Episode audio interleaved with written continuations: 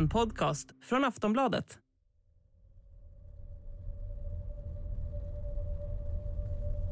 Det är början på oktober. Solen skymtar mellan ett dis av grå moln. Det är bara sex grader varmt och vinden är isande. Det här är den första dagen när man på riktigt känner att vinterkylan är på väg. Vi har kommit till Gälstavikens naturreservat utanför Enköping.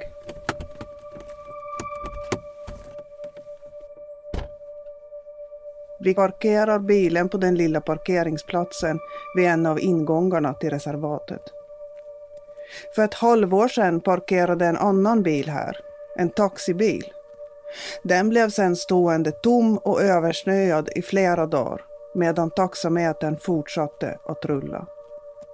Vi är här nu för att gå samma väg som taxichauffören tros ha gått. Vi öppnar grinden och går längs en spång. Marken på sidorna om de utlagda plankorna är blöt och lerig.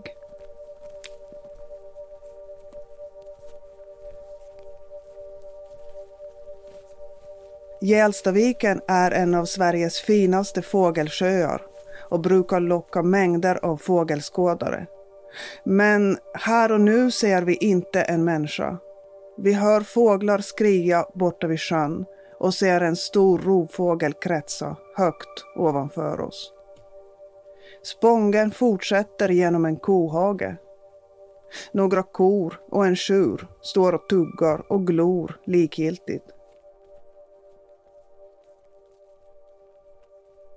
Framför oss har vi en skogsbevuxen kulle kallad Stora backen. Det är dit vi är på väg. Vi kryssar mellan komockorna och tar oss upp till Stora backens topp. Från parkeringsplatsen där vi ställde bilen är det en promenad på drygt en kvart i dagsljus och på barmark. När taxichauffören tros ha gått här, då var det nattsvart, is och snö. Kullens topp är en vacker plats. Mellan träden ser man ut över landskapet. Men när man vet vad som har hänt här, då går tankarna till forna tiders galgbackar. När människor skulle straffas, då hängdes de ofta uppe på en höjd. Så att alla skulle se hur det går om man inte sköter sig.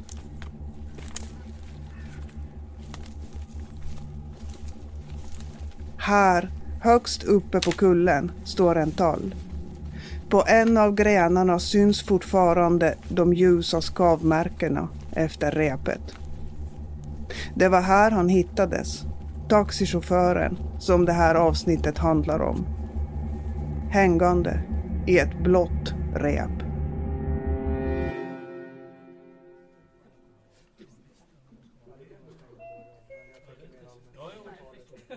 Vi är i Attunda tingsrätt i Sollentuna norr om Stockholm. Det är tisdag förmiddag den 3 oktober.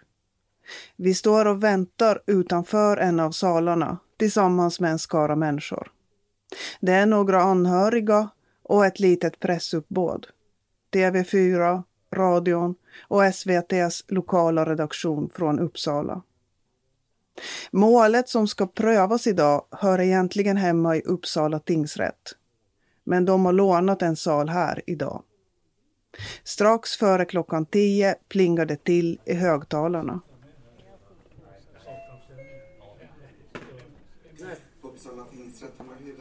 Efter lite väntan släpper vakten in press och anhöriga i salen.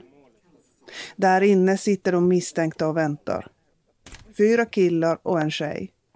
Alla är mellan 16 och 18 år. De ser ut att vara precis så unga som de är. Någon av killarna har lite finniga kinder. En annan har håret uppsatt i en slarvig hårknut, en så kallad manbun. Tjejen har ett svart hårband som håller bort håret från ansiktet. Det är lite rörigt det är många som ska komma in och hitta sina platser. Bland annat de som är föräldrar till de misstänkta. Och då har ni, ni som är vårdnadshavare, det finns namnskyltar till er som sitter framför de här datorskärmarna. De misstänkta tonåringarna småpratar med sina försvarare.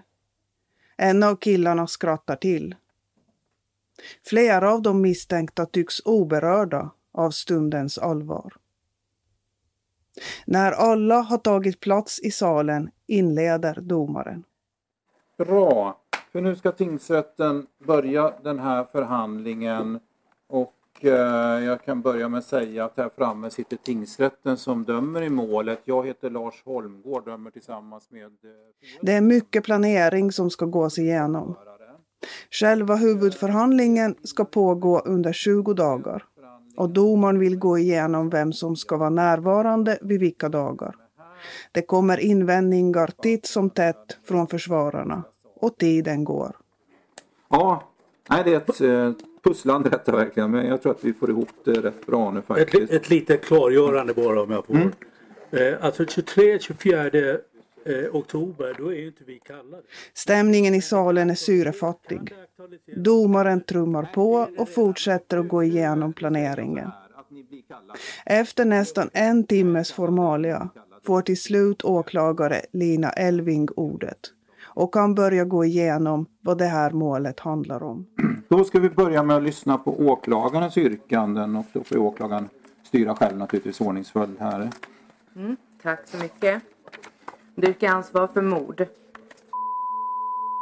Har tillsammans och i samråd efter noggrann planering genom hängning, strypning berövat livet. Det hände någon gång mellan den 24 mars 2023 och den 25 mars 2023 vid Hjälstaviken, Örsundsbro, Enköpings kommun.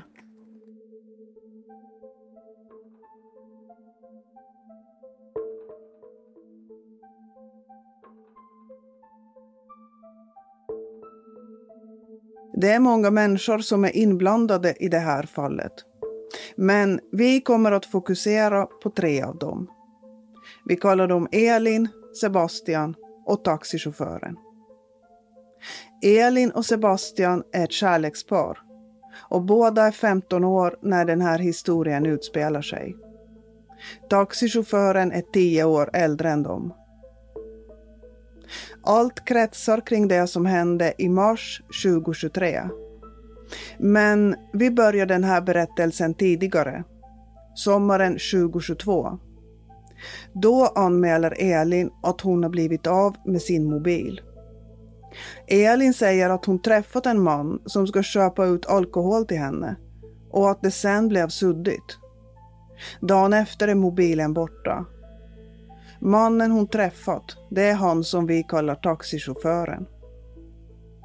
Exakt vad som hände den här dagen, eller om taxichauffören köpte ut alkohol, det har inte gått att fastslå. Men vi vet att de har träffats. Ja, det vi vet i alla fall det är att de vid ett par tillfällen har druckit alkohol ihop. Det här är Magnus Rova, kommissarie på Uppsala polisen, som har utrett det här fallet. Det finns alkoholutköp, men sen om det har varit langning, det ska jag låta vara osagt. De har druckit alkohol ihop. Sen var var en har fått sin alkohol ifrån. Det har konverserats om alkohol. Hur det går med Elins borttappade mobil, det vet vi inte. Själva anmälan verkar inte leda någonstans. Enligt polisen skriver Elin till en kompis på Snapchat några veckor senare. Jag tappade mollen i hans bil, mannen. Jag blev våldtagen och kommer inte ihåg någonting. Kompisen svarar och undrar om hon har anmält våldtäkten och om hennes föräldrar vet. Elin svarar. Japp, mamma. Men vill inte anmäla. Men vi anmälde försvunnen molle i alla fall. Det går några månader. I februari 2023 tar Elin kontakt med polisen. Då anmäler hon en våldtäkt och hon pekar ut den man som vi kallar taxichauffören.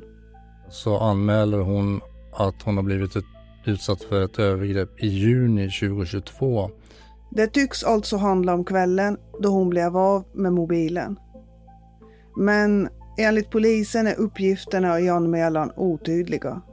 Den var väldigt knapphändig den här anmälan. Så det hela prioriteras ner. Veckorna går utan att Elin får komma in på förhör. En månad senare, måndagen den 20 mars, menar polisen att hon skriver till en vän på Snapchat. Hans bröder ska träffa min våldtäktsman. Tihihi. Det framgår inte vilka hon menar. Men utredningen pekar mot Sebastian, alltså hennes pojkvän, och hans bröder. Sebastian är som sagt 15 år och har tre bröder. Under dagarna efter den 20 mars tycks de planera något. I chattar tycks de skriva meddelande efter meddelande till varann. Min vän kanske kan köra. Vi måste kolla. För annars är det typ tusen för bensin med hans bil. En knapp timme senare, ett nytt meddelande. Vi bör göra på fredag. På torsdag eftermiddag köper en av bröderna ett blått rep på Jula och ett trepack silvertejp. På torsdag kväll klockan 19.35 tar Elin kontakt med taxichauffören. I ett meddelande på Snapchat skriver hon. Kan du fixa vodka också? Typ fem liter eller något. Du får göra exakt vad du vill med mig och jag kan visa alla mina piercings och tatueringar. Timmarna går. Klockan passerar midnatt och vi är framme vid fredagen. Morddagen. Det här avsnittet är exklusivt för Aftonbladet Plus och Podmi-kunder. Gå in på kampanj.aftonbladet.se aftonbladetkrim så kan du signa upp för Plus i två månader för 49 kronor. Sen kan du lyssna i Aftonbladets app eller sajt. Vill du testa Podmi kan du göra det i 14 dagar kostnadsfritt. Gå in på podmi.com och teckna Podmi Premium så får du tillgång till alla premiumpoddar helt utan reklam.